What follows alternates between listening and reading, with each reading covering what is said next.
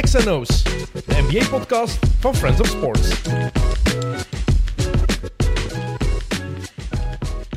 Welkom bij XNO's, de basketbal- en NBA-podcast van Friends of Sports. Nog een dikke week en het reguliere seizoen in de NBA zit er helemaal op. Dan kunnen we ons volledig beginnen richten op de playoffs. En eerst nog op de play-in natuurlijk, want die komen er ook nog aan. Die beginnen de 11e april ja, en die eindigen de 14e. Uh, wie daarin gaan zitten, dat kunnen we nog altijd niet met zekerheid zeggen. Maar voorlopig lijkt het alsof het zonder de Dallas Mavericks zal zijn. Uh, de Mavericks staan op de 11e plaats, net buiten de play-in, met 37 overwinningen en 40 nederlagen. Uh, dat is één match achter OKC op de tiende plaats en anderhalve match achter de Lakers op plek 9. Um, Dallas heeft vijf van zijn laatste zes matchen verloren. Verloren van Memphis, van Golden State, verloren van Philadelphia en twee keer van Charlotte. De op drie na slechtste ploeg in de NBA. Dat is pijnlijk. Dat is heel pijnlijk. Um, dus ja, What's going on in Dallas? En er is maar één iemand die daar perfect over kan oordelen. Dat is uh, de uh, Dallas Mavericks-volger van, uh, van Vlaanderen, Gilles Meulemans. Je mag het komen uitleggen. Ja, Gilles. die hier mag komen zitten als het slecht gaat met de Mavericks. Ja, bedankt, hey, het, bedankt, Dennis. Als het goed was gegaan, had je hier ook mogen, mogen komen zitten, maar het gaat nu helemaal niet nu, goed. Vorig jaar zat ik hier toen ze 2-0 achter stonden tegen de Suns in de playoffs. En dan, dan is het opeens, uh, opeens allemaal opgelost geraakt. Dus jij hoopt eigenlijk dat dit voor de deklik gaat zorgen? Wie weet, wie weet. Um, ja, wat, is er, ja, wat is er aan de hand? Ja. Dit is... We hebben al zoveel uh, gezegd. De grootste teleurstelling van het seizoen. Het is nog eens het bewijs waarom je eigenlijk echt moet wachten tot het einde voor je conclusies trekt. Want de grootste teleurstelling van het seizoen zijn de Dallas Mavericks. By far. Dat klopt, ja. Ik heb veel opgeschreven, want ik weet dat, er, dat, er, dat je van alles gaat afvuren. Dus ik heb uh, mijn opzoekwerk gedaan. Maar uh, ja, het gaat niet goed, hè. Nee, ik heb, ik heb veel opgeschreven, ik heb veel opgezocht en ik heb ook veel gezien. Uh, die match ja. tegen de Charlotte Hornets... Um, het was niet met volle goesting dat ik daar naar gekeken heb. Vooral ja, op voorhand, ja. een match van de Hornets tegenwoordig zet je niet zomaar op, omdat die ploeg gewoon niet top is. Je weet dan achteraf, ze hebben verloren. Je bekijkt die match opnieuw. Ja, de Mavericks hebben twee keer de kans gehad om die match nog te winnen, maar ze verliezen van van Charlotte, de op drie na slechtste ploeg ja. in de NBA. Ploeg die eigenlijk niet wil winnen. Nee, ze verliezen er vrijdag van, ze verliezen er zondagavond van. En vooral in 96 minuten staan ze nog geen twee minuten, twee minuten op voorsprong. Ja. Dat is, die stat zegt eigenlijk alles. In de ja. eerste match hebben ze zelfs niet op voorsprong gestaan. Ik heb ze niet herbekeken, sorry. Dus daar laat ik u over. Ik heb de wedstrijd tegen Philly um, helemaal bekeken. Mm -hmm. Daar was het iets beter, had ik het gevoel. Dat is ook een kans om, om te winnen. Maar um, ja, geven ze toch weer weg. Je had ze een kans om te winnen, maar je kan niet winnen als je in de laatste drie minuten niet scoort. Laatste, nou, ik denk dat, dat ze 108 hadden ja? op vijf minuten van de Ja, ik denk, wat dikke 3,5 denk ik. Daarna ah, okay. hebben ze niet meer gescoord, ja. echt. En ook wat je dan voelde, en dat was ook tegen Charlotte ergens zo. Op het einde, die sense of urgency is daar niet. Nee. Hè? Ze... Ze pakken op in defense, nee, maar ze de... pakken ook niet op in defense. Maak fout, speel agressief, speel fysiek. Het was een ploeg die zich er al bij neergelegd had dat het voorbij was, elke keer opnieuw. Ja, en de lichaamstaal van, uh, van Doncic is dan ook een probleem in die laatste minuten. Je ziet, dan, je ziet hem met zijn ogen rollen. Als, als, want hij, ik vind dat hij wel aanvallend, laten we het verdedigende buiten beschouwing, vind dat hij wel op niveau is aanvallend. En elke keer als er een shot gemist wordt door, door de supporting cast, zie je hem zelf van, allee, wat moet ik nog meer doen om, om hier aanvallend iets uit te krijgen? Op het einde vond ik dat dat heel hard opvallen tegen Philadelphia. Ja, dat defensieve, um, dat ja. even buiten beschouwing mm -hmm. laten, maar het is wel iets heel belangrijks. Mm -hmm. Als je kijkt hoe hij mensen laat passeren in, in transitie, je kan wel een klein beetje inzet hebben. En wat ik van Doncic de laatste matchen gezien heb, we weten dat het niet goed was en ik kijk genoeg Dallas Mavericks matchen ook, maar dit was gewoon nog een extra niveautje van niet caren, er gewoon niet om geven. Gewoon nee. laten passeren in de transitie en wel denken dat er iemand het gaat opvangen. Ook van op de perimeter zich laten passeren. Maar als je geen rim protection hebt, als. Ja, dat, is, dat is dus wat ik heb opgeschreven. Dus, dus als ze geklopt worden... Er is niemand. Is er geen oplossing? Nee. Powell en Kleber zijn de twee... Ja, uh, daar, want, lacht, ja, daar lacht een mee. Hè? Daar lacht, lacht, iedereen mee. Ja. daar lacht Ja Morant ook mee als hij naar de ring gaat. Daar lacht, lacht Stephen Curry ook mee als hij naar de ring gaat. Daar lacht Gordon Hayward zelfs mee als hij naar de ring gaat. Heb ik nog eens kunnen zien. Um, dus dat is echt wel een probleem. Die lengtes hebben dan JaVale McGee in het begin van het jaar aangetrokken. Dat was de starting center. Na vijf matchen zat hij alweer op de bank. Nu wordt hij gewoon amper gebruikt. 34 gewoon... jaar, 6 miljoen. Volgend jaar nog eens 6 miljoen. En het jaar daarna een speleroptie. Speleroptie die gaat hij gaat nemen. Gaat hij zelf wellicht als hij slim is natuurlijk. Ja. Um, maar ja, dit Dallas. Uh, sinds de trade, de Kyrie Irving trade, zijn ze 8 en 14. Luca en Kyrie samen 4 gewonnen, 9 verloren. Ja. En het opvallendste vind ik je kan het Kyrie Irving eigenlijk niet verwijten als Nee. je naar zijn spel kijkt. Oké, want dat had ik dus opgeschreven. Is het de fout van Kyrie? Als je kijkt naar het spel niet, vooral de cijfers ook. Nee. 50, 40, 90 bijna. En als ze enkel met Kyrie Irving spelen, doen ze op het, dan zijn ze op Ah, dit ja, moment op hun best. Kan. Ze zijn op hun slechtst met Luca alleen de laatste weken. En op hun best met Kyrie Irving alleen. Die twee samen, dat gaat op en af. Maar ja, 4 en 9, dat zegt eigenlijk al, dat zegt eigenlijk Mhm. al genoeg. Dus is het Kyrie Irving zijn fout? Nee. Nee, nee. Je weet wat je binnenhaalt. Zijn verdediging... Kyrie is niet per se slechter dan, dan de Kyrie voor Dallas. Dus ik denk dat, dat het, ja... Je hebt, wat dat, je hebt gekregen wat, wat, dat je, wat dat je wou. Je, hebt Kyrie gekregen die aanvallend goed is en verdedigend niet goed, maar het team is niet in balans gewoon. Er is, er is geen... Allee, ik denk dat we, dat we het grote punt al hebben aangehaald. Hè. Dus als, u, als, u, als uw eerste lijn geklopt wordt, is er, is er niks anders meer, niks anders. Plus ehm, de, de waarde van Dorian Finney-Smith. Ik heb, ik heb erop zitten zagen ook van het is al zes of zeven jaar hetzelfde. Allee, dan word je dat op een moment ook beu. Maar je ziet wel, het is misschien een, een overdrijving, maar hoe belangrijk hij, hij was en dat Bulk toch een niveau minder is Ja. dan, eh allee, verdedigend gewijs dan, dan Finney-Smith. En dan onder de ring heb je niks gewoon. Christian Wood, allee, die dribbelt een bal op tegen Philly drie, vier keer. En om hem dan, af, om hem dan stuntelig af te geven. Christian Wood laat ook zien... Oké, ik, vind dat, ik vind dat Jason Kidd hem niet goed genoeg gebruikt. Of op de verkeerde manier gebruikt. Maar hij bewijst ook wel waarom hij bij elke ploeg maar een jaar heeft Ja, hij gezeten. heeft geen mentaliteit. Heb Dat, dat zie je nu ook wel duidelijk. Eh, die defense, daar even op inpikken, want vorig jaar was iedereen lovend over de verdediging van, eh, van de Mavericks. Ja. Het was die, die free flow. Ja. Iedereen was zo'n beetje aan, aan, aan het roven en aan het roamen. En je zag dat die, die rotaties die zaten redelijk scherp, want Luka Doncic is individueel niet de beste verdediger. Maar in dat systeem van vorig jaar had hij wel zijn rol en werkte die rotaties. Nu zag je zowel tegen Charlotte als tegen Indiana, als tegen Philly, dat die rotaties gewoon niet op punt zijn. Er is altijd wel iemand die open was. Ofwel geven ze een open shot, ofwel laten ze zich kloppen op de, uit de eerste lijn. Is er geen rim protection, dus is het een layup line, open layup. Ofwel komt er nog iemand doorgeroteerd, bal naar buiten, open driepunt shot, want die close-out gaat daar toch niet zijn. Die defense is daar toch is niet. Dat, is dat dan puur door Kyrie? Omdat, om, omdat dus eigenlijk... Vroeger had je dan nog, had je dan nog ehm, Bullock en, en, en Finney-Smith. Ja. die dan wel eventueel met twee konden gaan coveren. En nu eh, kunnen er eigenlijk twee van uw vijf spelers niet Ik denk verdedigen. Philly Smith is heel belangrijk. Ze zijn hun beste verdediger kwijt. En ik denk dat iedereen onderschat heeft hoe Ja, dat heb ik ook was, onderschat. Hoe belangrijk die was eigenlijk ja, voor die ja. ploeg. Ehm, dat is één. Bullock haalt zijn niveau niet van vorig jaar. Nee, kan ook geen driepunter scoren. Nee, maar, Sorry, defensief, dan- maar defensief was hij vorig jaar ook cruciaal. En je kan je shots missen, maar als je dan defensief die impact hebt, dan heb je nog wel iets. Dat is er ook niet. Eh, Kleber heeft die blessures gehad. Oké, niet de beste verdediger, sowieso niet, maar is, heeft zijn niveau nog niet gehaald na die blessure. White Powell is een backup center die start. Dat is eigenlijk dat gewoon, is- gewoon het geval. Ehm, Ik heb daar ook nooit echt als center gevoel bij. Net Nee. iets te klein, net iets te, te smal of echt center-center. Ja, ja, dat is zo. Dat is zo. En nu, ja, ik vind het straf dat het systeem totaal niet werkt. Ehm, en ja, dat je merkt dat geen enkele ploeg gewoon schrik heeft om die ring aan te vallen. Nee. Niemand heeft, niemand heeft schrik van, van, van de Mavericks, van, eh, van wat daar inside is, omdat daar inside ook gewoon niks staat. En plus, ze kunnen niet rebounden. Als Nog eens nog als er dan- hè? Als er dan gemist wordt, is het, is- hebben ze weinig... eh, of ze creëren ook weinig tweede kansen. Dan met Powell, ja, moet je niet gaan proberen. Omdat je ook ziet, die bal gaat rond op de perimeter. Het is een drie-punt-heavy team. En ze pakken veel driepunters. En ik weet het, het is de tendens van de laatste jaren. Maar bij hen is het extra opvallend, omdat er totaal geen aanvallende rebound is. Niemand die vliegt daarnaar. De enige die we af en toe zien, als hij speelt, is JaVale McGee. Mhm. Voor de rest, Ja. het, staat daar gewoon, het is daar gewoon helemaal leeg. En het zijn die driepunters die vorig jaar het wel gedaan hebben tegen de Suns. Want toen was er, een, was er, was er die kentering en had je Kleber die alles Ja. binnenshotte wat hem in zijn handen kreeg. En je ziet nu, Doncic blijft zijn spel spelen. Geeft tegen Philly daar een geweldige pas achter de rug. En dan, dan is Bullock daar of Kleber. En dan die shotten 2 op 12 in die match. Het is, eh, die En dan, dan valt het uit elkaar. De Mavericks zijn een beetje te, te veel het voorbeeld aan het worden van het cliché you live and die with a jump shot. Mhm.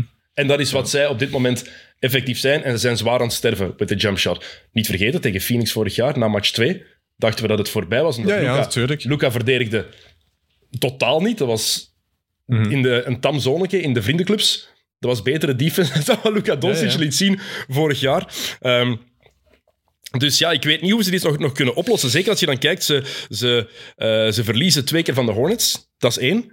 Maar ze verliezen van de Hornets. Die spelen zonder LaMelo Ball, hun beste speler, die is geblesseerd. Zonder Terry Rozier, zonder Kelly Oubre.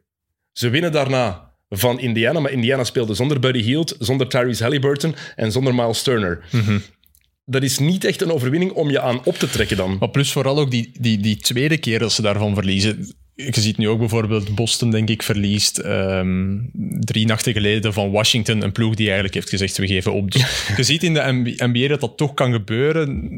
Night to night dat dat, Ja. wel, dat dat wel eens één keer kan gebeuren. Maar je weet, die tweede match gaat iedereen kijken van, ah, nu gaan we toch een keer eens naar Dallas-Charlotte kijken. En ze komen, wat is het? Je hebt het gezien, 5, 5-20 achter. Ja, ze komen, op een gegeven moment staan ze 19 punten achter. En als je ook kijkt, in de eerste match in het eerste kwart krijgen ze 37 punten tegen. Ja. Tegen de slechtste aanval van de NBA, hè? dat zijn de Hornets. De slechtste aanval van de NBA, zonder belang, meerdere belangrijke starters. Jason Kidd die zegt, het was vreselijk. The first half was dog shit. En dan beginnen ze aan die tweede helft. En beginnen ze zo laconiek, zonder goesting, zonder overtuiging. Ik denk dat we ons dan wel de vraag moeten stellen, is Jason Kidd zijn kleedkamer niet gewoon helemaal kwijt? Als de coach zegt dat het dog shit is, in op een persconferentie, dus hij zet zijn ploeg te kakken, Ja. no pun intended, zet zijn ploeg te kakken in de persconferentie, dan verwacht je toch een reactie. Zeker als het nu match 30, 40 was geweest, dat is iets anders. Maar nu, ze moeten elke match winnen.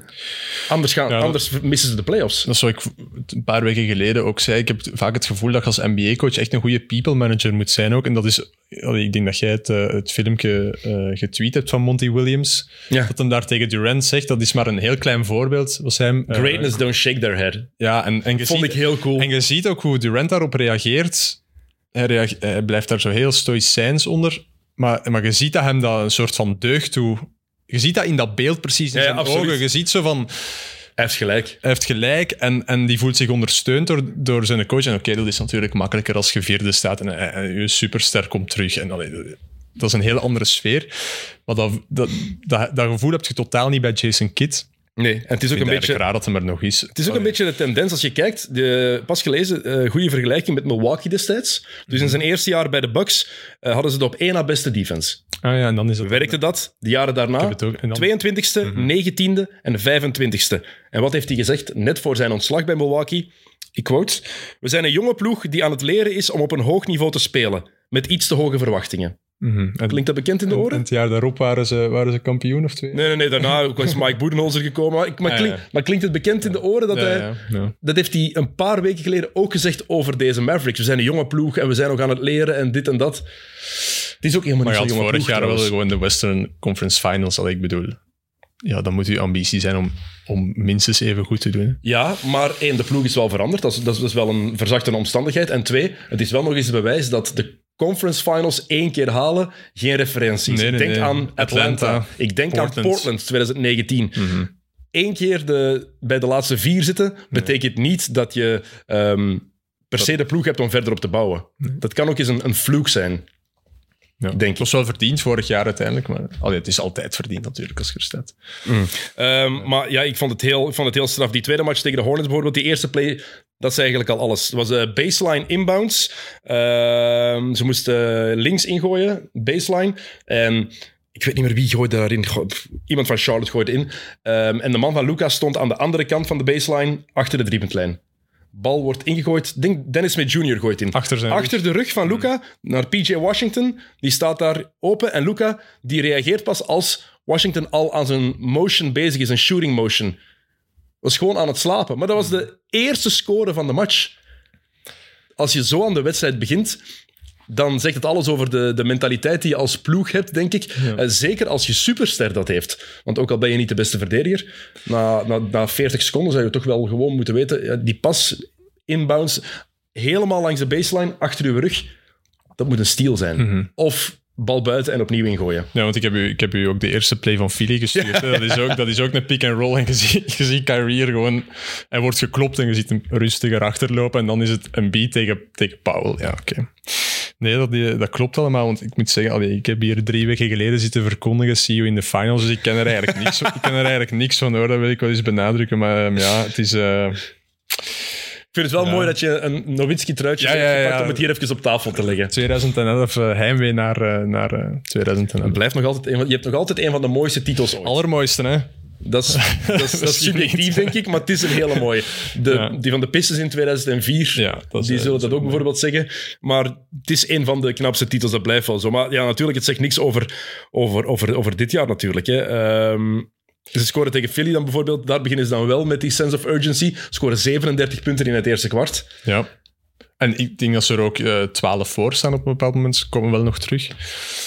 Eh, Zonder eigenlijk echt goed te spelen. Want ik vond die voorsprong van Dallas vooral door het mindere spel van Philly. Ik vond Philly die match niet nee, goed waren spelen. niet goed. Maar ik, ik wist al de score op voorhand. Dus ik wist ook wel van, oké, ze, gaan hier, ze gaan hier verliezen. Eh, straks, maar ik denk dat als je de score niet weet en je kijkt die match, dan denk je, ah ja, oké, Dallas heeft hier wel een, een, een kans om, om die match te winnen, want Philly zit eigenlijk niet in de match. En dan zijn er, ik denk in het vierde kwart, vijf punten van een beat, een driepunter en, en een tweepunter, twee Ja. aanvallen naar elkaar en het zakt in. Ja, inderdaad. Die drie punten top of the key en dan midrange jumper ook aan de vrijwoordplein. ja, ik denk twee aanvallen naar elkaar. binnengooien. Mhm. Ehm, en dan, ja, als je de laatste 3,5 minuut niet kan scoren. En als je dan ook in defense die, die dwingendheid niet hebt, dan, dan, dan is het quasi onmogelijk. Ehm, wat het probleem natuurlijk ook is. En plus, ja, het, is, het is gewoon ook heel voorspelbaar op het einde, omdat, omdat je weet op het einde gaat die double-teamer komen op Doncic en, je- en je gaat open driepunters krijgen en, en zo, zo kun je de match winnen, maar je, verliest ze vaker. Ze ge- zeggen gewoon, laat, laat die andere mannen ons maar Ja, maar een defense heeft ook gewoon, los van die, die, die aanval waar ze soms te veel three-point heavy zijn, ehm, geen aanvallende rebound hebben. eh, dat defensieve systeem van vorig jaar is er niet helemaal, maar los daarvan, als je speelt met een ice defense, dat betekent de man die verdedigt op de persoon die gaat screenen, die zakt in in plaats van hard, hard te hedgen, waar die, die echt uitstapt om de baldrager op te vangen. Als je ice defense speelt en je laat de big man inzakken, of de verdediger van de screener inzakken, moet je daar als verdediger op de baldrager ook wel op een andere manier op verdedigen. Je kan je niet gewoon in dat screen blijven zitten. Nee, Want en- en- en- dan geef je. 2, 3 meter, zeker als het een goede shooter is. Mhm. En dat zag ik veel te veel in de match tegen Philly ook, dat er gewoon... Kyrie Ja, bijvoorbeeld... dat is al exact die eerste play. Die bleef in dat screen zitten. Ja, maar dat was bij een drive dan ook. Als het tegen een shooter is, tegen James Harden, ja, die pakt dat met plezier aan. Het is, ook Ja. al is het niet meer de Harden van bij Houston, ja, geeft die een open shot en die knalt er nog altijd binnen. Ja, ja, natuurlijk. en dan stel ik me vragen bij, bij welke defense er, er wordt gepredikt door Jason Kidd. En dan is er die aanval, waar in mijn ogen veel te weinig flow in zit. En waarin je nog altijd wel vaak voelt met Kyrie en Luca, your turn, my turn. Ja. Het is even aan u, nu is het even aan mij. En Kyrie doet het eigenlijk nog het beste, want dat is degene die zich, vind ik, vaak in, ja, in de, in, op de weak side zet, die zich vaak effectief aan de kant zet voor, voor dat open shot te krijgen. Ehm, is dat de beste manier? Als je kijkt naar de stats, ja, dan is de beste play die ze hebben een Kyrie Irving, Luka Doncic, pick and roll, pick and pop. ja, maar die spelen ze weinig. Hè. Drie keer per match. Mhm. Terwijl het altijd, bijna altijd een score oplevert. Ja, maar dat, dat, is, dat, is eigenlijk, dat is eigenlijk het punt ook. Hè. Een goed punt dat je aanhaalt, dat, het, dat, dat ze inderdaad niet echt complementair zijn. Ze zijn gewoon allebei heel goed. Ja, Maar ze, ze, ze, ze, ze passen, of, of ze, ze versterken elkaar niet, laat Ja. ons zo we zeggen. hebben straks gaan we het nog even hebben over wie er wel bij Luka Doncic Ja. zou, zou passen. Eh, Ja, want we mogen niet vergeten, Kyrie Irving, ze hebben daar best wel wat voor opgegeven voor een huurperiode. Van misschien maar nog geen 40 Ja, matchen. het kan zijn dat ze nog vijf matches samenspelen. Hè. Ja, want hij is einde contract na dit seizoen en dat wisten ze ook. Mhm. Uh, Toen die trade, dus we moeten wel eerlijk zeggen, toen die trade gebeurde, niemand hier bij ons geloofde erin dat het een succes zou worden. Hè? Eh, ja, Behalve ik, jij ik, ik, hoop, ik hoopte het. ja. Maar jij- bent supporter, dat is hoopte het, subjectief. Ja, ja. Ehm, Ik begreep het wel ergens. Ik, ik begreep het wel ergens in die zin van, oké, je kunt het nu omschrijven achteraf als, als een soort van paniektrade. En de bedoeling was om Luca tevreden te houden. En het, het heeft eigenlijk omgekeerd uitgedraaid. Mhm. Wat dat inderdaad te verwachten viel. Maar ergens begreep ik wel van, oké, we moeten hier af van waar dat we al zes, zeven jaar mee zitten. En het is een foute keuze geweest. Dat ja, is- maar, dat is maar als je dat hebt, kan je dan ook, als je Jason Kidd bent, kan je dan niks beter verzinnen dan een spread-out offense? Kan je dan niks beter verzinnen dan... ehm, af en toe beginnen ze inderdaad met een play met een paar screens, maar veel te vaak is het gewoon Luca of Kyrie die komt opdribbelen, vooral eh Kyrie. En iedereen die gewoon buiten de driepuntlijn staat. Tim Hardaway Jr. pakt veel te veel shots. Veel te veel. Ik vind Eh, dat hij van veel heel ver ook, van anderhalve meter achter de driepuntlijn. Vind Ja. ik. Maar hij zit niet echt in vorm, hè. Dat is, dat is duidelijk, inderdaad. Maar, maar wat speelt je met die vijf? Dat is dan de vraag. Wat speelt je dan wel met die vijf? Want eigenlijk ziet de aanval er hetzelfde uit als, het, als vorig ik- jaar. En vorig dat- jaar was hem gewoon veel Maar daarom efficiënter. gebruik, gebruik Kyrie en Luca samen in de pick-and-roll. In de pick-and-pop. Ze hebben allebei dat shot. Ze hebben alle... Luca is zo sterk. En dat is wat heel veel mensen ook dachten dat we gingen zien toen die trade gebeurde. Dat we de soort screenacties gingen zien die we Kyrie met LeBron James hebben zien doen bij Cleveland. En dat krijg je nu veel te weinig. hè, met twee guards. Ja, oké, maar Luca is, Luca is geen guard. Hè. Luca is Luca. Luca is een soort LeBron. Minder atletisch, Ja. maar wel vergelijkbaar op veel vlakken, vind ik. Ja, hij doet inside nu wat, dat, wat dat LeBron eigenlijk de laatste jaren van zijn carrière is beginnen doen. Hè. Als je kijkt naar het lichaam van, van Luca, je je kan, dat perfect, je kan dat perfect spelen. En waarom zou je als kleinere gast niet kunnen gaan screenen? Nee, nee, nee, dat is inderdaad geen... ehm, Ik vind dat, ik, ik vind dat perfect, perfect mogelijk. En Luca, positief, heeft wel voor een van de coolste passes amai. ooit gezorgd die ik ooit heb gezien. Maar je moet het maar uit je pols krijgen, man. Dat, dat, dat hij dat gat, dat hij die bal daar perfect tussen krijgt. On the money, hè? In de shooting Dat pocket. perfecte pas. En hij, hij denkt zoveel onder het bord. Allee, 20 Tussen, centimeter. tussen de verdediging door en een aanvaller. En waan, zoek die pas van Luka Doncic op als je hem nog niet gezien hebt.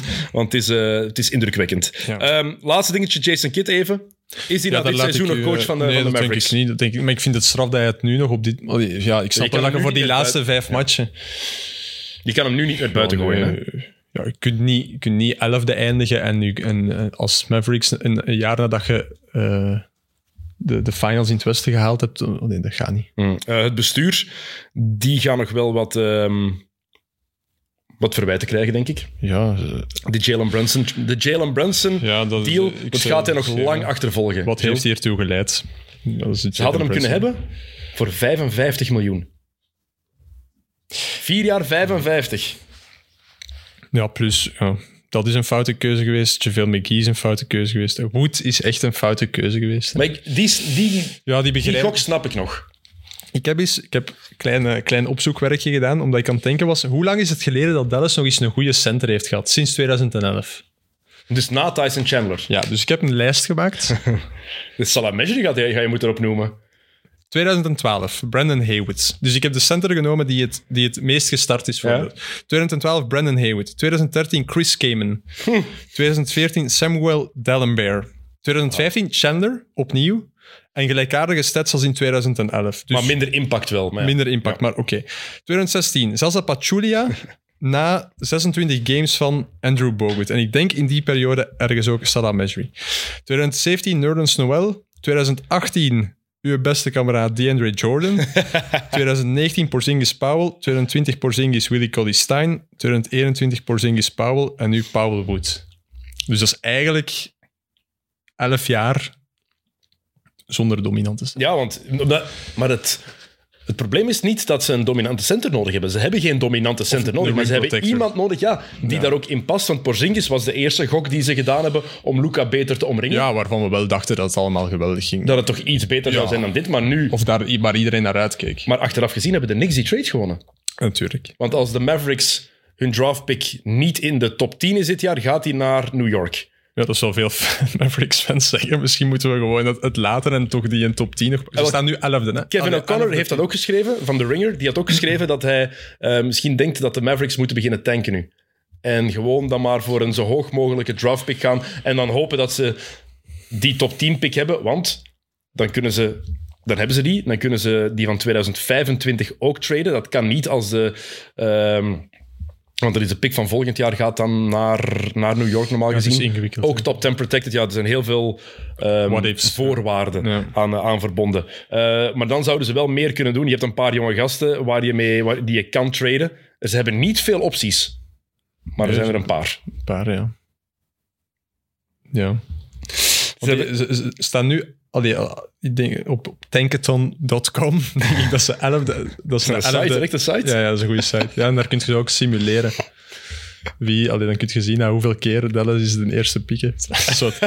Eh, ze hebben nu 11e. Ehm 11e staan ze daarop. Dan zouden ze hem kwijt zijn. Dan zouden ze hem kwijt Op dit zijn. moment. Eh, want het bestuur, ik wil zo meteen nog even dieper ingaan op Kyrie Irving en op Luka Doncic, op hun spel ook, maar ook op dingen die, die erbij zijn gekomen. Eh, maar het bestuur, wat, die, ja, wat dat gedaan heeft de laatste jaren, om Luka Doncic beter te proberen omringen, want hij is in 2018 gedraft als derde. Hè, de, die trade hebben ze gewonnen. Ja, de beste Dat is overduidelijk. is. De, de Trey Young, eh Luka Doncic trade, nog altijd wat Travis Schlenk, de general manager van Atlanta, dacht toen hij ehm, op Trey Young wilde inzetten in plaats van op Luka Doncic. Wat Vlade Divac dacht, Mhm. om Marvin, Marvin Bagley, Bagley. te draften.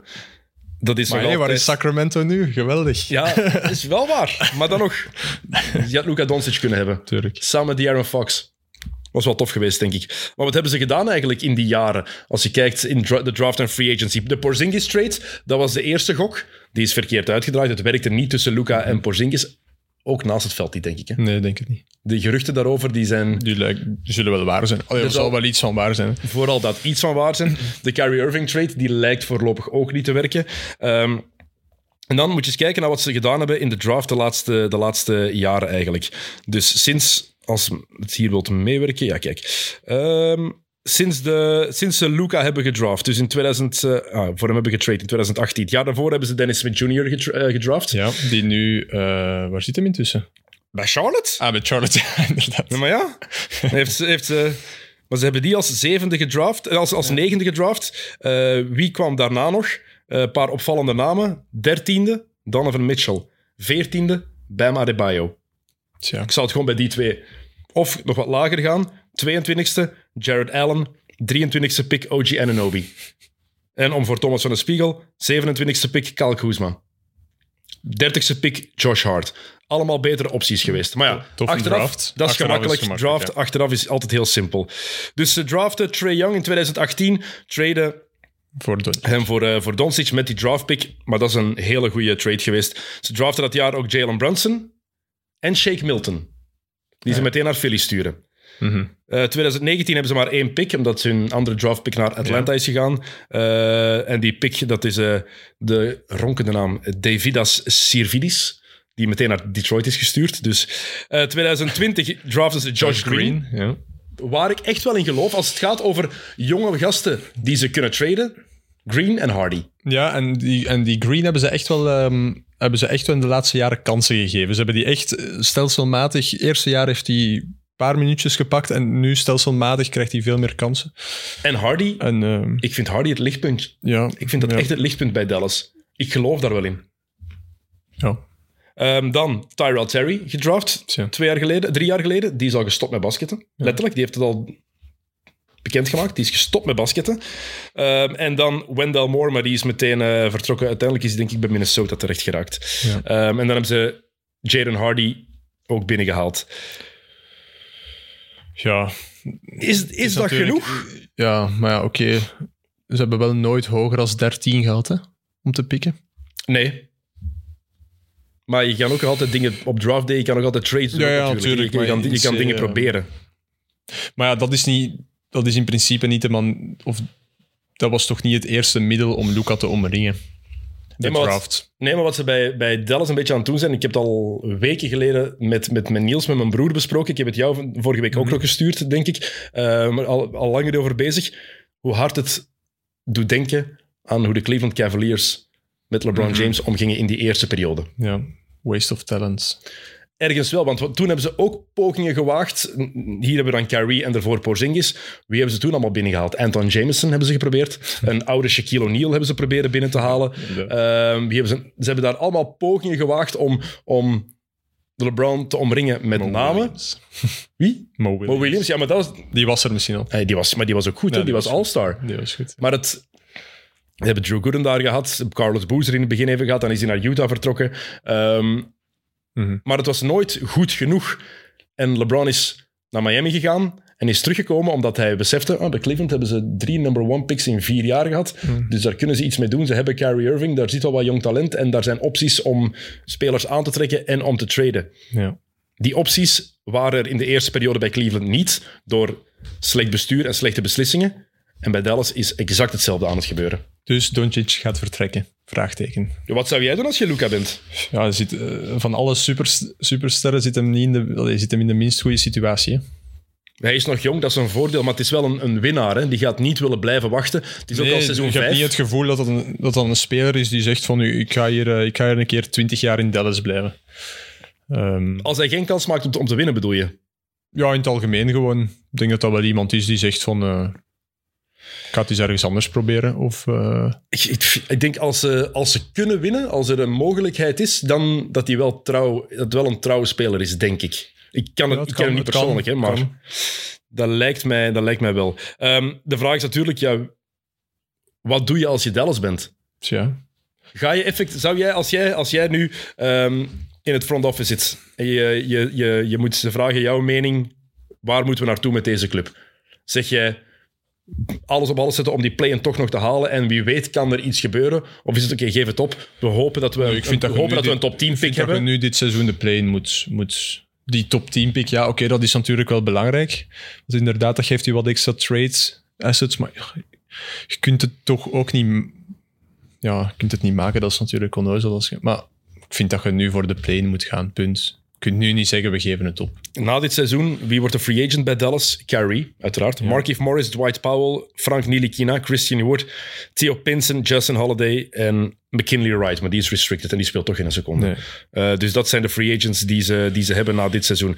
En dan kan je denken van, oké, we moeten eens kijken naar... Als we cap space hebben, wie, we zouden wie kunnen komt? binnenhalen. Van Vliet, Vucevic, Purdle heb ik opgeschreven. Als drie semi-interessante namen. Maar Seth Curry. maar- Ah ja, Misschien, ja, ik ben... Dat kan interessant die, zijn. die heeft er al gezeten, hè? PJ Washington wordt free agent bij Charlotte, maar restricted. Dus inderdaad, die heeft er al gezeten. Vucevic, ja, wil je die hebben? Nee. Want dat is ook iemand die niet verdedigt. Nee, die verdedigt ook niet. dus die heb je ook niet nodig. Ik heb hem wel zelfs ook. Ja, zot. Ja, maar dat zijn... Eh, die verdedigt ook niet. hè. Dus ook iemand die je niet echt nodig bent. Even door alle free agents aan het gaan eh, die er komen. Maar er zijn... Deze zomer is er niemand interessant genoeg. Draymond Green? Speleroptie? Als hij die niet pakt, Het zou misschien wel terug wel mentaliteit in de, dan heb je defense en heb je wel in iemand de die... ploeg kunnen hebben die, die eraan sleurt. Ik zie die daar wel passen, eerlijk gezegd. Ja, maar die, dat is zo'n speler die overal past, hè. Allee, of bijna overal. Hij in zal, hij zal niet in naar Memphis gaan. zal niet naar Memphis gaan. Zo'n beetje zoals Jay Crowder, dat is ook zo ene die, die je gewoon overal kunt zetten. Zo, Hier, Ja. hier is Jay Crowder. PJ Tucker. PJ Tucker, voilà. Ja. Eh, ja, eh, waarom niet? Maar Ga, gaat, ga Green vertrekken, denk je, in, ehm, in Golden State? Ofwel is het een laatste jaar heel de tijd wachten van wat gaat er gebeuren met zijn contract. Ik zie, ik zie Golden State wel iets doen. Ja, kan wel. Ik denk niet dat Draymond Green zijn carrière gaat eindigen als, eh, als, als als, als. Warriors? Nee. Denk ik niet, nee. Wilt hij dat zelf? Wilt hij dat...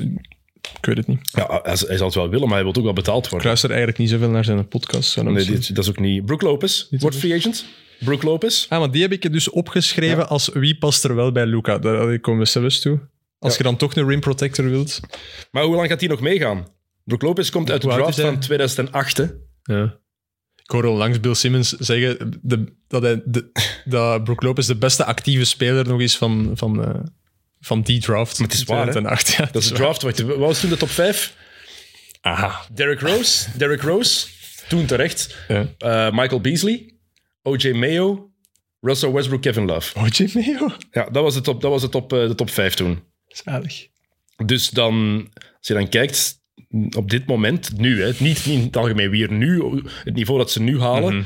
dan is Brook Lopez. Ja, Russell Westbrook was geweldig eergisteren nacht, maar die ene match maakt niks, maakt niet goed wat hij afgelopen jaar heeft laten zien, of jaren. Ik ben bijna door alle ploegen. Uh, Bismack Biombo, die wordt ook free agent. Misschien kunnen ze daar iets mee doen. Jeremy Grant Tja. van Portland, maar dat is ook, Die, is goed, die was goed begonnen aan dit seizoen, maar dan... eh, dat gaat het verschil ook niet maken. Hè? Nee, nee, nee. Dat is een beetje het probleem. Ja, Dus Purtle- er is niet echt toekomstperspectief. hè? Dat is pijnlijk, inderdaad. Je kan met de Jazz proberen iets te doen met de aflopende contracten. Pascal Siakam. Zo'n contract loopt, loopt af. En dat is wel iemand die, die ik heb opgeschreven ehm, als speler die past bij, bij Luka Doncic. Want dat is de vraag. Welke Ja, zullen we dat nu doen? ster, semi, superster, semi-superster, all-star past er het beste bij Luka Doncic? Ik heb 1, 2, 3, 4, 5, 6, 7, 8, 9 namen. En er zijn een paar heel Ja, ik had... opvallende bij. Eh, Tenminste, heel, eh, heel logische namen bij. Ik heb, een, ik heb een, een, een starting five gemaakt van spelers waarvan je... Je kunt natuurlijk zeggen, ja, je zet uh, Janis en een beat ernaast, maar... ook- bedoel- En Beat is wel een van mijn namen. Ja, ja, ja, maar ja. natuurlijk, dat begrijp ik. Maar ik had... Misschien moet je gewoon een point guard die kan verdedigen ernaast zetten. Ja. Dus dan kom je makkelijk bij Holiday uit, bijvoorbeeld. Dan heb je Luca, dan een small forward die niet te veel bal nodig heeft, maar die wel nog kan verdedigen. Paul George. Mhm. En dan een rim protector, had ik Lopez opgeschreven. En dan een power forward die ook nog kan shotten, maar dan komt maar dan, ja, Vucevic kan niet verdedigen. Maar ik had hem opgeschreven, want ik dacht dat dan is je team wel verdedigen nog oké als je die andere drie hebt. Mij, niet alles is realistisch wat ik opgeschreven Nee, heb. Ik heb gewoon in het algemeen gedacht, welke ehm, grotere spelers zie ik wel passen bij, bij, bij Kawhi. Eh, bij Kawhi, Bij, dat zeg ik, Luka. bij, bij Luca. Kawhi is er één van. Kawhi is als er één van, ja, is, dat is uiteraard. logisch. Die kan Maar ook verdedigen. andere optie, en die wel realistisch zou kunnen zijn als alles wat meezit, die volgens mij perfect past bij Luca, is Jalen Brown. Mhm. Oké. Goeie verdediger.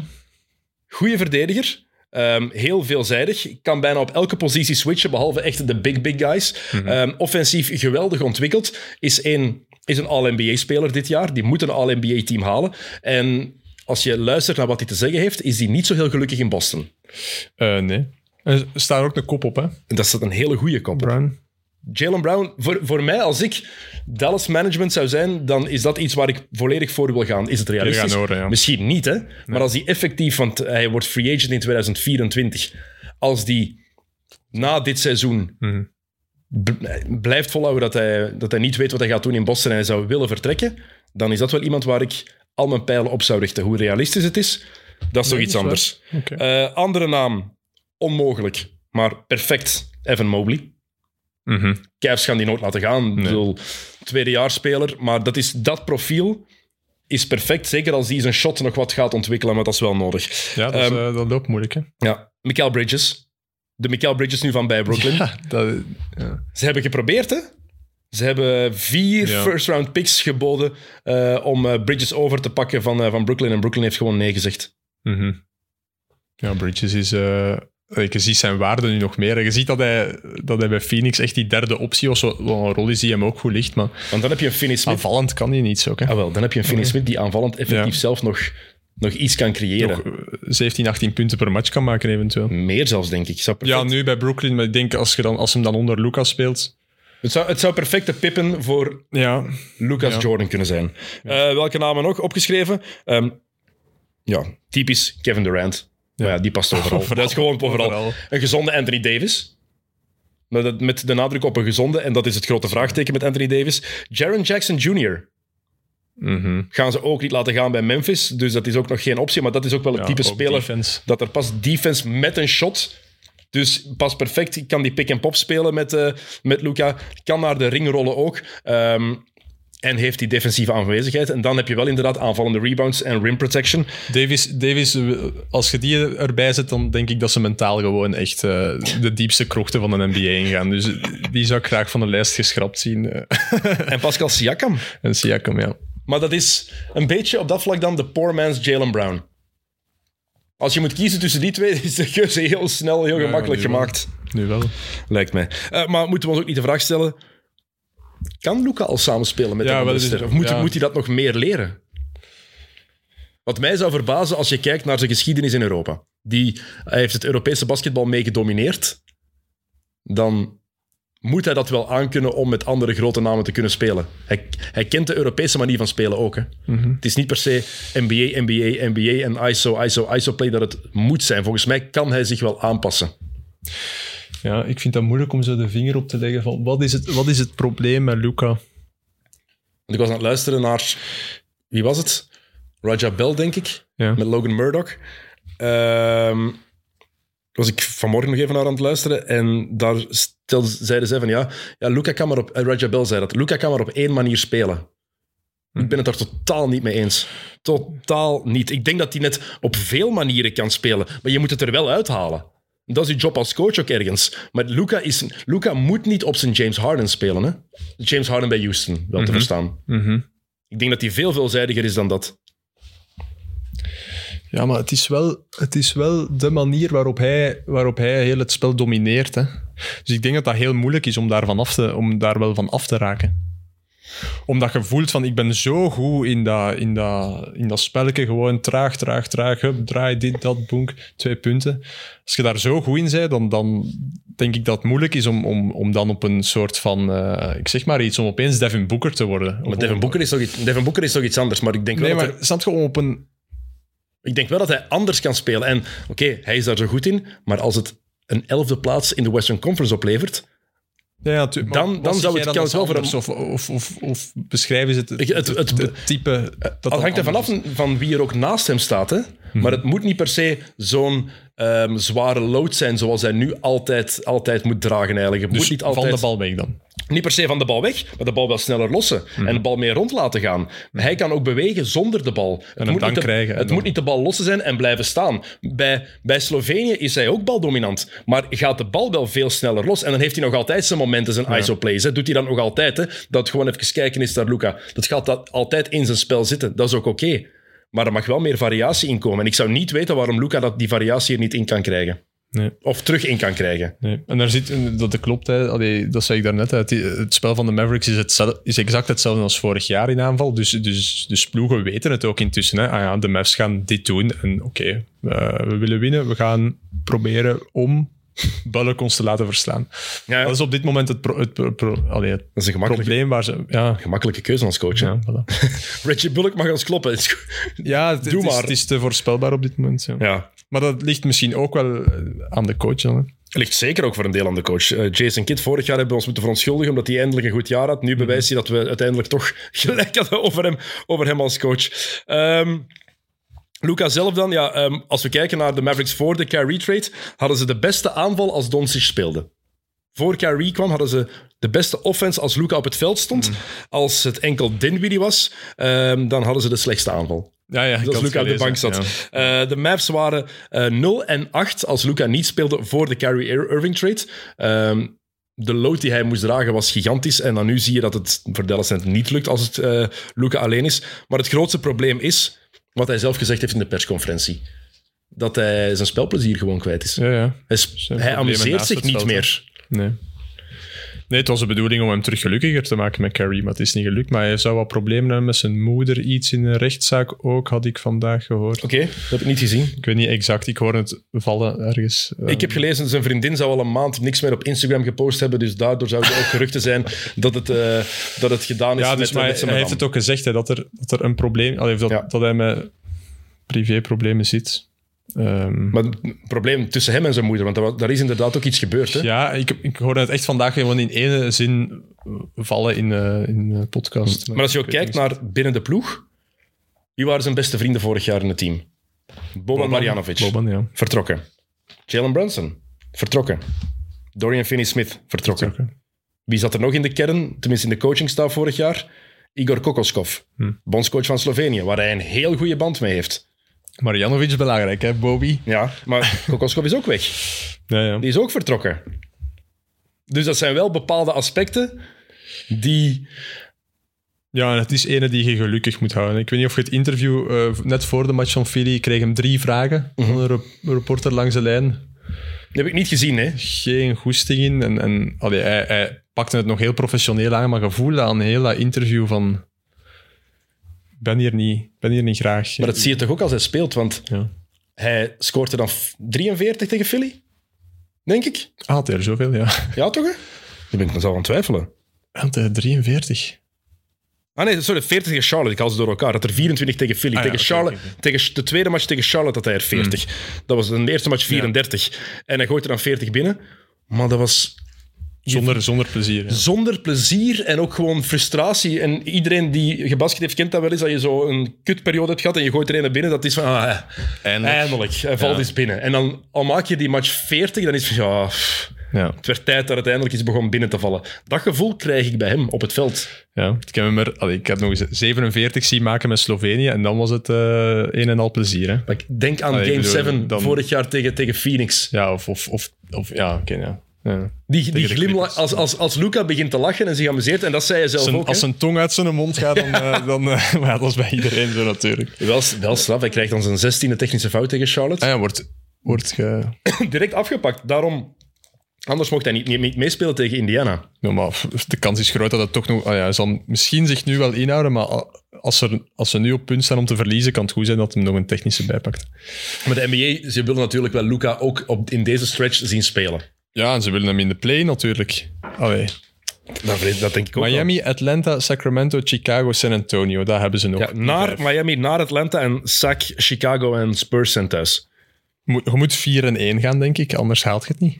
Tenzij dat OKC echt zegt van we gooien het toch nog weg. Ze staan ene achter OKC, Ja. zeker, hè? Eh, wacht, één volledige, hè? Ja.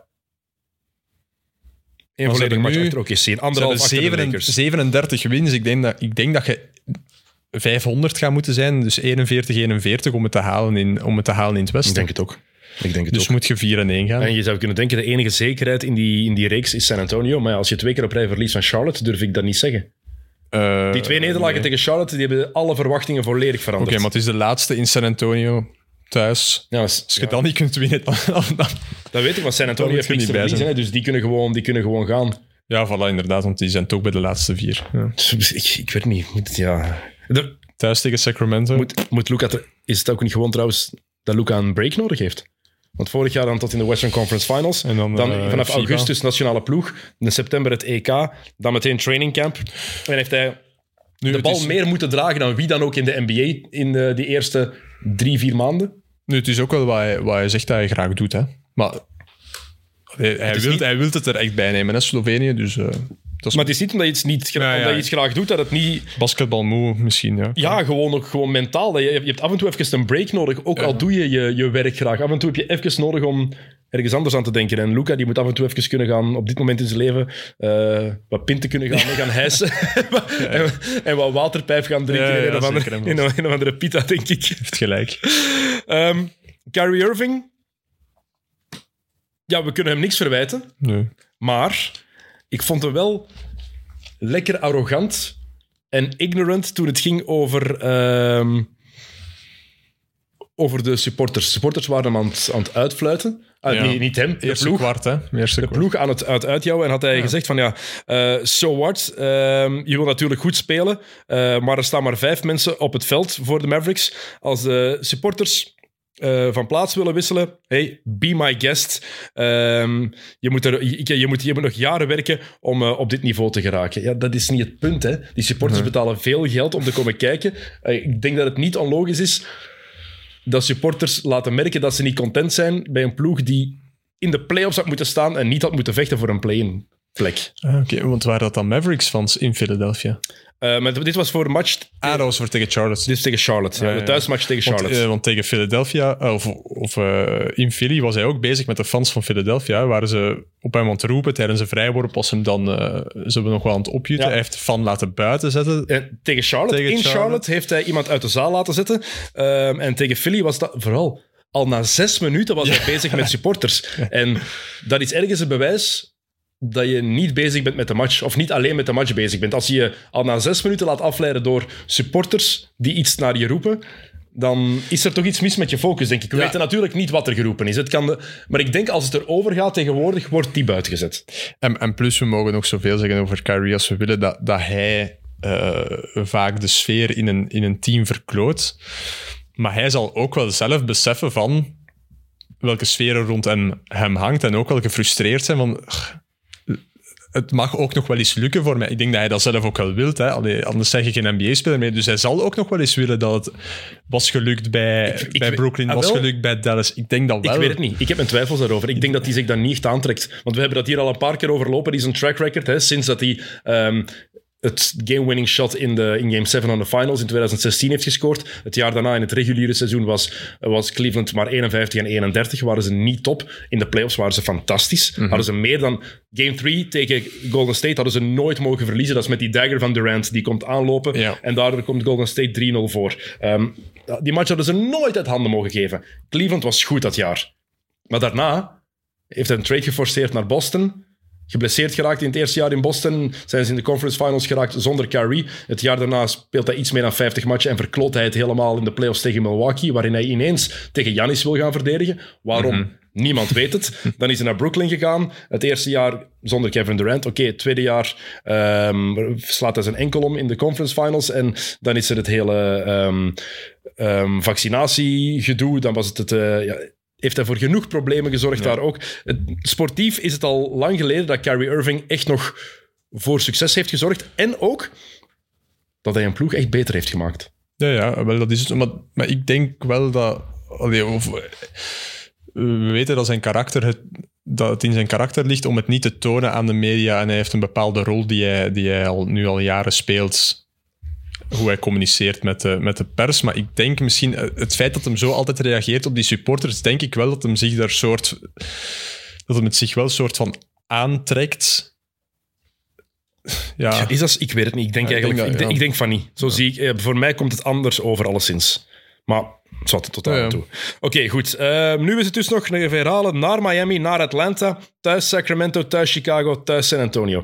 Ehm, een objectieve voorspelling. Gilles, wat gaan ze daar doen? Jij zegt 4 en 1 is nodig. Wat, wat wordt het? Atlanta gaan ze winnen. Miami.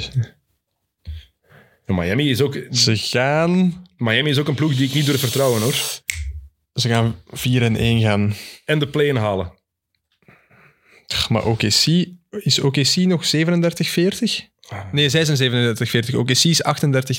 Ik ga even de, wacht, de stand erbij halen nog eens. Ik denk dat OKC ook nog een relatief moeilijk programma had.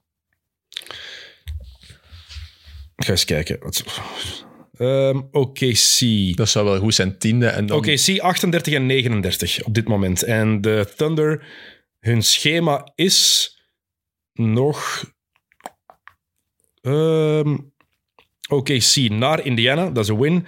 Thuis tegen Phoenix, naar Golden State, naar Utah, thuis tegen Memphis. Oeh. Dus Indiana en Utah zijn de twee wins die ze moeten incalculeren al bij OKC. Ik weet nu niet wat een tiebreaker is tussen Dallas en OKC, maar ik denk dat ze hem verliezen. Ik denk dat, eh, denk dat als ze gelijk eindigen, dat dat OKC is. Maar ik kan fout zijn. Oké, ik zeg... eh, ik ga optimistisch zijn. Ik zeg 4 en 1. En ze raken er nog net in. En dan komen ze tegen de Lakers. ze hebben de tiebreaker. OKC heeft de tiebreaker over Dallas. Ah, zie, dus dan, gaan, dan, nee, dan, moeten ze dus, dan moeten ze dus 4 en 1 gaan en hopen dat OKC 2 en, 2 en 3 is. Hè. Ja, inderdaad. Trouwens, Davis Bertans, die eh, is een eh, 16 miljoen echt waard. Hè? 16 miljoen dit jaar, 17 volgend jaar, het jaar daarna een player option van 16 miljoen, die je duidelijk gaat lichten. Die komt gewoon niet meer van de bank. Nee, nee, nee. Speelt gewoon niet. Dat is echt schrijnend. Oké, nog een paar andere dingen, eh Gilles. Ehm, Yes. De MVP-conversatie. Ja. we hebben nog een paar matchen, dus we gaan, ik, kan, ik kan nog altijd niet beslissen. Ah ja. Embiid Oké. en Janis doen nog altijd even hard mee als Jokic. Ik denk Janis na vanavond niet meer. Nee? Na vannacht niet. Ja, als je met 40 punten verliest, het is vrijdagmiddag als we dit opnemen, als je met 40 punten verliest van Boston, eh, dat is pijnlijk. Ik denk, allee, de, eh, MVP is ook altijd een, een soort van... eh, daar hangt altijd een verhaal rond, hè. Dus, Narrative driven, ja. Dus het was nu wel heel vaak...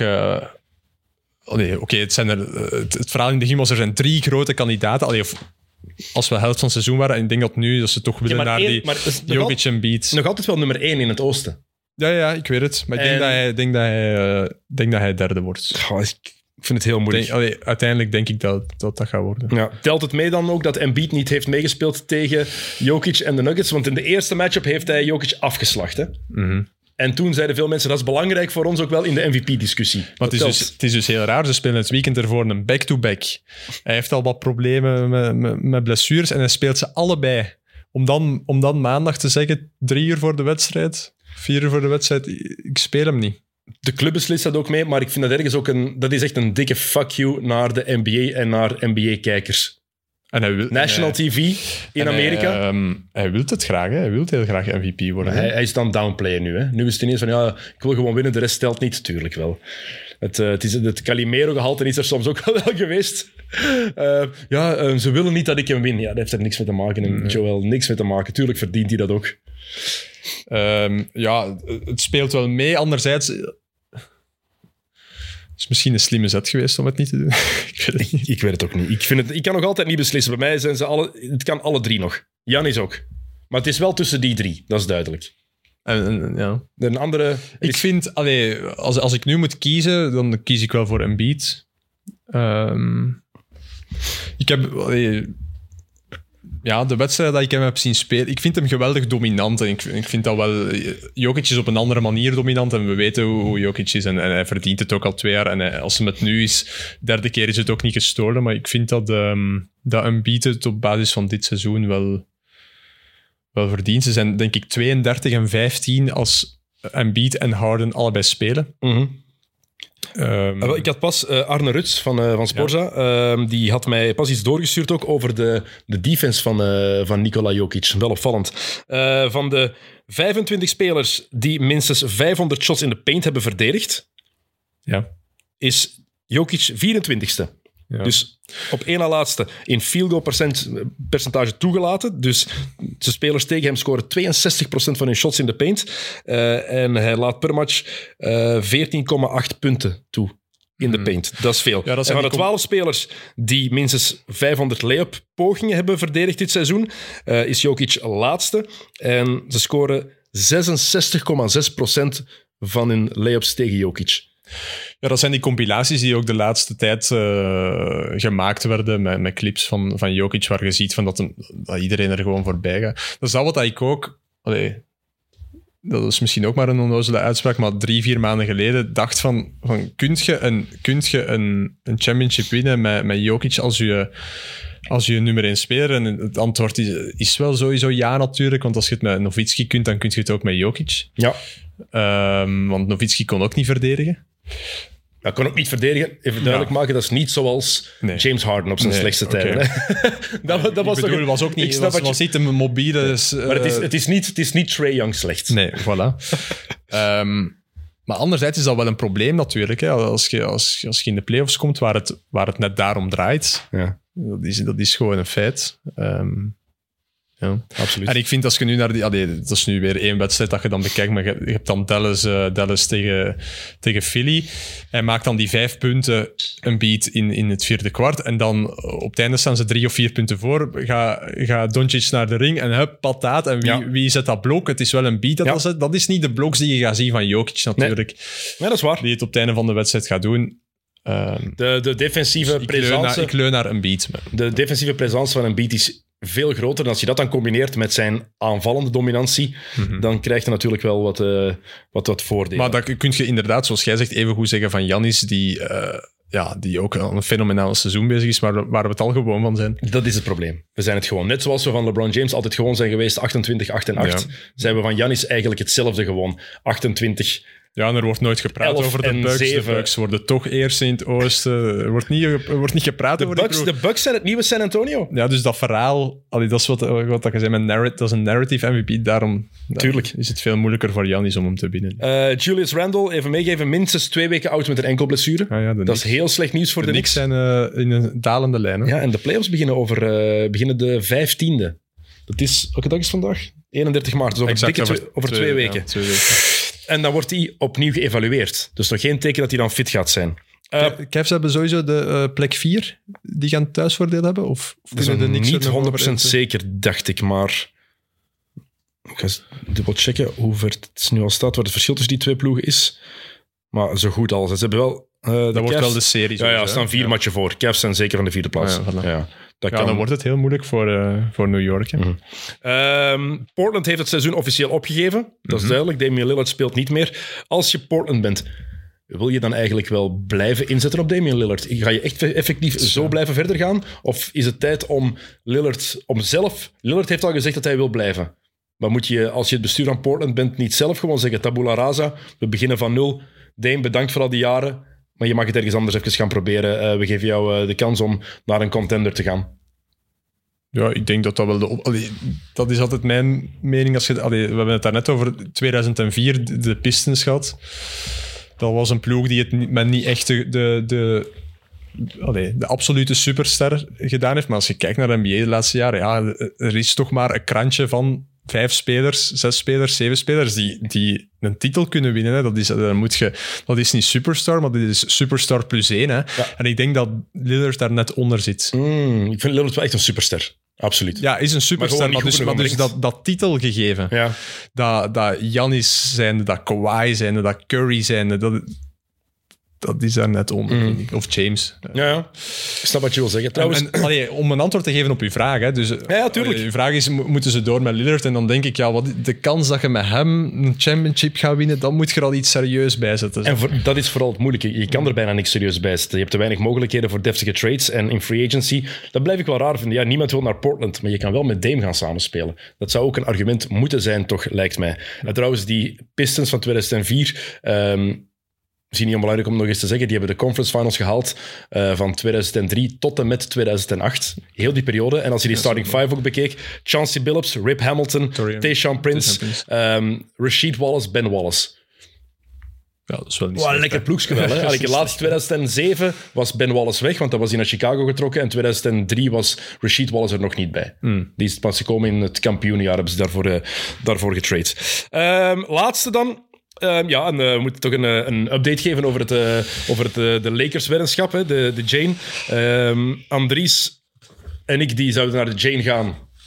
Oh, we gaan sowieso gaan. Ehm, het begon met dat ik zei, oké, als de Lakers kampioen spelen, dan trakteer ik. Want hij was ervan overtuigd dat ze de titel konden pakken. Dan trakteer ik in de Jane. En hij heeft het verder uitgebreid naar per ronde die de Lakers overleven, betaal ik en anders betaalt Andries de rest. Op dit moment staan de Lakers negende met 38 overwinningen en 38 nederlagen. Een halve match achter de zevende plaats, want New Orleans en Minnesota allebei 39 en 38. En een halve match voor de tiende plaats, anderhalve voor de elfde.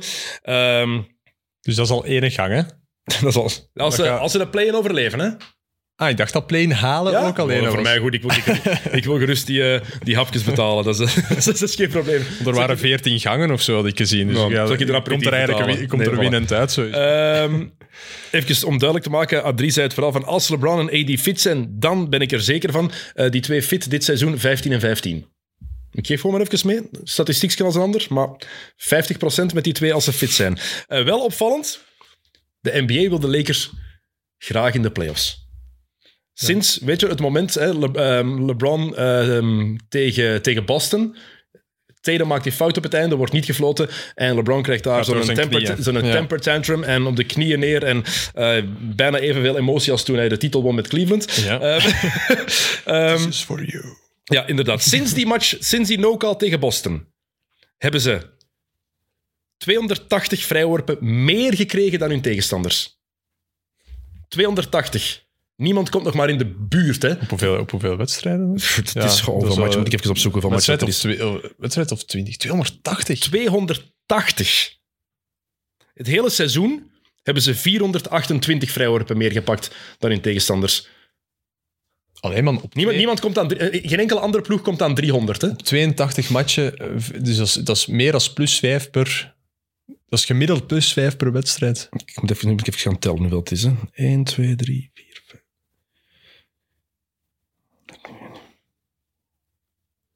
20, 1, 2. 26 matchen. 280 vrijworpen meer dan hun tegenstanders in 26 Meer dan matchen. plus 10 gemiddeld. Ja. Dat is echt maf, hè. Nee, man. Dat is echt... Maar ja, dat, is wel, dat is wel opvallend. Andries, ik weet niet wat jij gezegd hebt aan de scheidsrechters, maar eh, het is scheef. Ik vertrouw het niet. Maar wat is, Er het, is een geurtje aan. wat is het parcours van de Lakers? Als je nu geld erop, als je nu Lakers geld erop nu? moet zetten, dan zeg ik wel dat ze de playoffs halen. Naar Minnesota. Die op zich niet zo slecht bezig zijn. Carl Anthony Towns is terug. Ja, Ehm, ja hij is goed teruggekomen. Ja, heel goed teruggekomen. Dan naar Houston. ja, Dat is een win. Naar Utah. dat is een win. Dat is een win. Zou toch moeten. Naar de Clippers. Maar ja, dat is thuis spelen. Mm, de- Dat is moeilijk. Maar de, Clippers zijn wat de Clippers, was, was, wat die nog gaan willen doen op dat moment. Of was Je ze, kan die niet inschatten, hè. nee. Dan thuis... Misschien willen die verliezen om tegen Sacramento uit te komen. Nou, dat, dat denk ik niet. Nee? Dat gaat voor eh, Golden State zijn. Dan thuis tegen Phoenix en thuis tegen Utah. Dat Ze gaan, schema. ze gaan erbij zijn. Hè. Ze gaan erbij zijn en dan gaan ze achtste of negende zijn. Ah, wel, maar ik hoop ook dat ze erbij zijn. Veel toffer. Ja. Laat ze maar bij zijn. En ik denk eh achtste, dan moeten ze tegen Minnesota in de eerste... In de eerste eh, Als ze achtste zijn, moeten ze tegen Minnesota... Ja, hangt ervan af. Hè. Anders moeten ze misschien nog moeten ze en van Dallas winnen. Allee, Ja, het is, dus 7 en 8 die spelen eerst de, de play-in. Eh, de winnaar daarvan gaat meteen, heeft meteen de zevende plek. Eh, de verliezer daarvan speelt tegen de winnaar van het duel tussen nummers 9 en 10. ja. Als je negende of tiende eindigt, moet je sowieso twee matchen winnen om de playoffs te Ja, kunnen dus halen. nu staan ze negende. Hè, de Lakers, staan ze dus ze moeten nog eentje opschuiven, maar dat zal wel lukken, denk ik. Alles ligt dicht bij elkaar. Wie staat acht? New Orleans staat acht, hè, na die overwinning. zeven. zeven New Orleans staan nu. Ah, Die hebben, die hebben de tiebreaker over Minnesota. Dus die staan nu op de ja, ik zevende plek. verschoot daarvan dat die wonnen vandaag. Maar echt. Die, winnen, dat dan die van, nog al- die winnen dan van Denver. Die hadden eigenlijk al moeten zeggen voort. Ik had ook gedacht dat die er niet meer uit in gingen, in gingen zitten. En ook, waar de fuck is Zion? Ja, maar hij was aan het opwarmen, hè? Ja, ik weet het, maar oké, ja, hoe- hoeveel keer hebben we die zien opwarmen de afgelopen jaren? Veel, hè? zonder dat we die in de match hebben gezien. Oh man, dat is zo'n teleurstelling. Ik wil die zien spelen. Dat is jammer, hè? Als hij op het veld is, is hij- is hij zo goed. Ja, want iedereen had zo hoog gezet begin dit seizoen. Ja. En ze waren ook top. En het is een... Ja, het- ja, ze zijn... Ja, Ze waren echt goed met of Zion. derde in het begin. Of eerste. Onze Niels heeft, heeft hier heeft zijn compliment gegeven van ja, Pelicans dit jaar echt wel de verrassing. En sindsdien is gewoon de dieperik ingegaan. Mhm. Dus Niels heeft ze gejinxed. Goeie bal, kleine. Oké, goed, Gilles. Ehm, Niks meer over Sacramento? Jawel, ik, maar ik, ging het, ik ging het eigenlijk houden voor de playoff preview over twee goed. weken. Ik heb heel veel opgeschreven over Sacramento, maar ja, inderdaad. Even credits wel. Ik heb vooral een hele lijst gemaakt van alle zaken die er, al, eh, die er nog niet waren, of wel waren toen Sacramento voor het laatste playoffs haalde. Echt. Dus, eh, De iPhone bestond nog niet, hè? nee. Om maar een voorbeeld te geven. En wie, wie denkt er nu nog aan, eh, aan Halliburton bij... eh, Mm. Allee, die is totaal vergeten. ik zal een paar dingetjes zeggen die, die er waren. De laatste, dus de laatste keer dat de Sacramento Kings de playoffs hebben gehaald was 2006. De beste film, ehm, Oscar, was Crash. Twitter is toen opgericht. De Nintendo Wii is toen uitgekomen. Ja. Wie, man? Italië is wereldkampioen geworden toen. 2006. Hè, Dat is de laatste, het laatste, de laatste match van Zinedine Zidane. Cannavaro. Ja, inderdaad. En Sexy Back van Justin Timberlake is toen uitgekomen als single. Zo lang is dat geleden. Light the beam. Light the Beam, ik vind het wel cool. Ja, het is zalig. Ik vind, ik vind het echt vet. En toch liggen ze eruit tegen, tegen Golden State in de eerste ronde. Ja, het parcours van Golden State is op dit moment voorbij Sacramento en dan voorbij Memphis, waarschijnlijk. Waarschijnlijk. Ligt open, hè?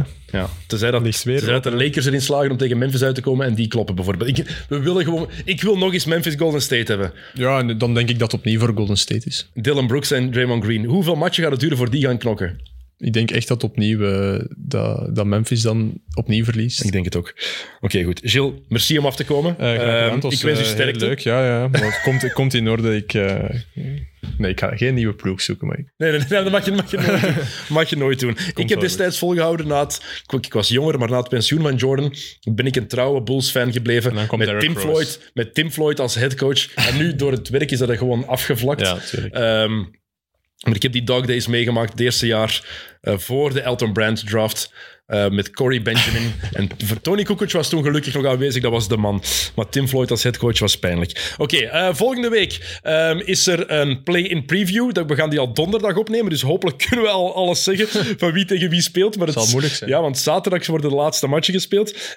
En volgende week gaan we ook bekendmaken wie het shirt van Trey Young wint. Dus dat is voor dan, dan eh, kom je dat te weten. Eh, maar eh, je kan nog genoeg beluisteren natuurlijk ook de komende dagen. Eh, want er was deze week een nieuwe aflevering van Valsplat. Een hele toffe aflevering. Laurens Dam is langsgekomen met zijn collega en ik ben vergeten hoe die heet. Stefan Bolt, voilà, dankjewel Hermes. Eh, hele leuke aflevering. Max doet het trouwens heel goed, eh, host van, eh van Valsplat. Dus aanrader, volg die podcast ook als je van wielrennen houdt. En ja, het zijn de hoogdagen, het zijn de klassiekers, dus extra informatie is altijd welkom. Er was ook weer een mid-mid met Pierre Denier, of Pierre Denier. Ehm, hele, hele sympathieke gast. Ook zeker niet te missen. 90 Minutes was er niet, komt volgende week terug. Kick and Rush was er ook niet. Die komen volgende week ook terug, want het was interlandvoetbal. Dus dat begint weer als de competities weer van start gaan. En wij zijn volgende week dus met de play-in preview. De week erna met een extra large playoff preview. Dan eh, komen de mannen van de Chaotic 4 langs. Normaal is dat met Thomas van de Spiegel, maar die heeft het te druk met Flanders Classics, te begrijpen natuurlijk. Eh, dus hopelijk komt hij in de playoffs toch wel een keer langs, eh, dat we hem toch nog een keer dit seizoen gezien hebben. En ik denk dat we gaan proberen om tijdens de eerste week van de playoffs ook onze awards en NBA, All-NBA Team preview te doen. We wilden het doen met de Chaotic 4, maar als we effectief elke playoff-serie gaan moeten vooruitblikken, is het onmogelijk om dat er nog bij te nemen. Het gaat al, gaat al lang genoeg zijn. En eh, het record breken, dat zullen we ooit nog wel eens doen. Voilà. Jill, dikke merci. Hermes, bedankt, voor erbij te zijn. Rune, achter de knoppen, merci. Jullie bedankt voor te kijken. Of als je alleen geluisterd hebt, bedankt om te luisteren. Eh, geniet van uw weekend. En eh, we hebben dan volgende week afspraak. Nieuwe XNO's. Salut.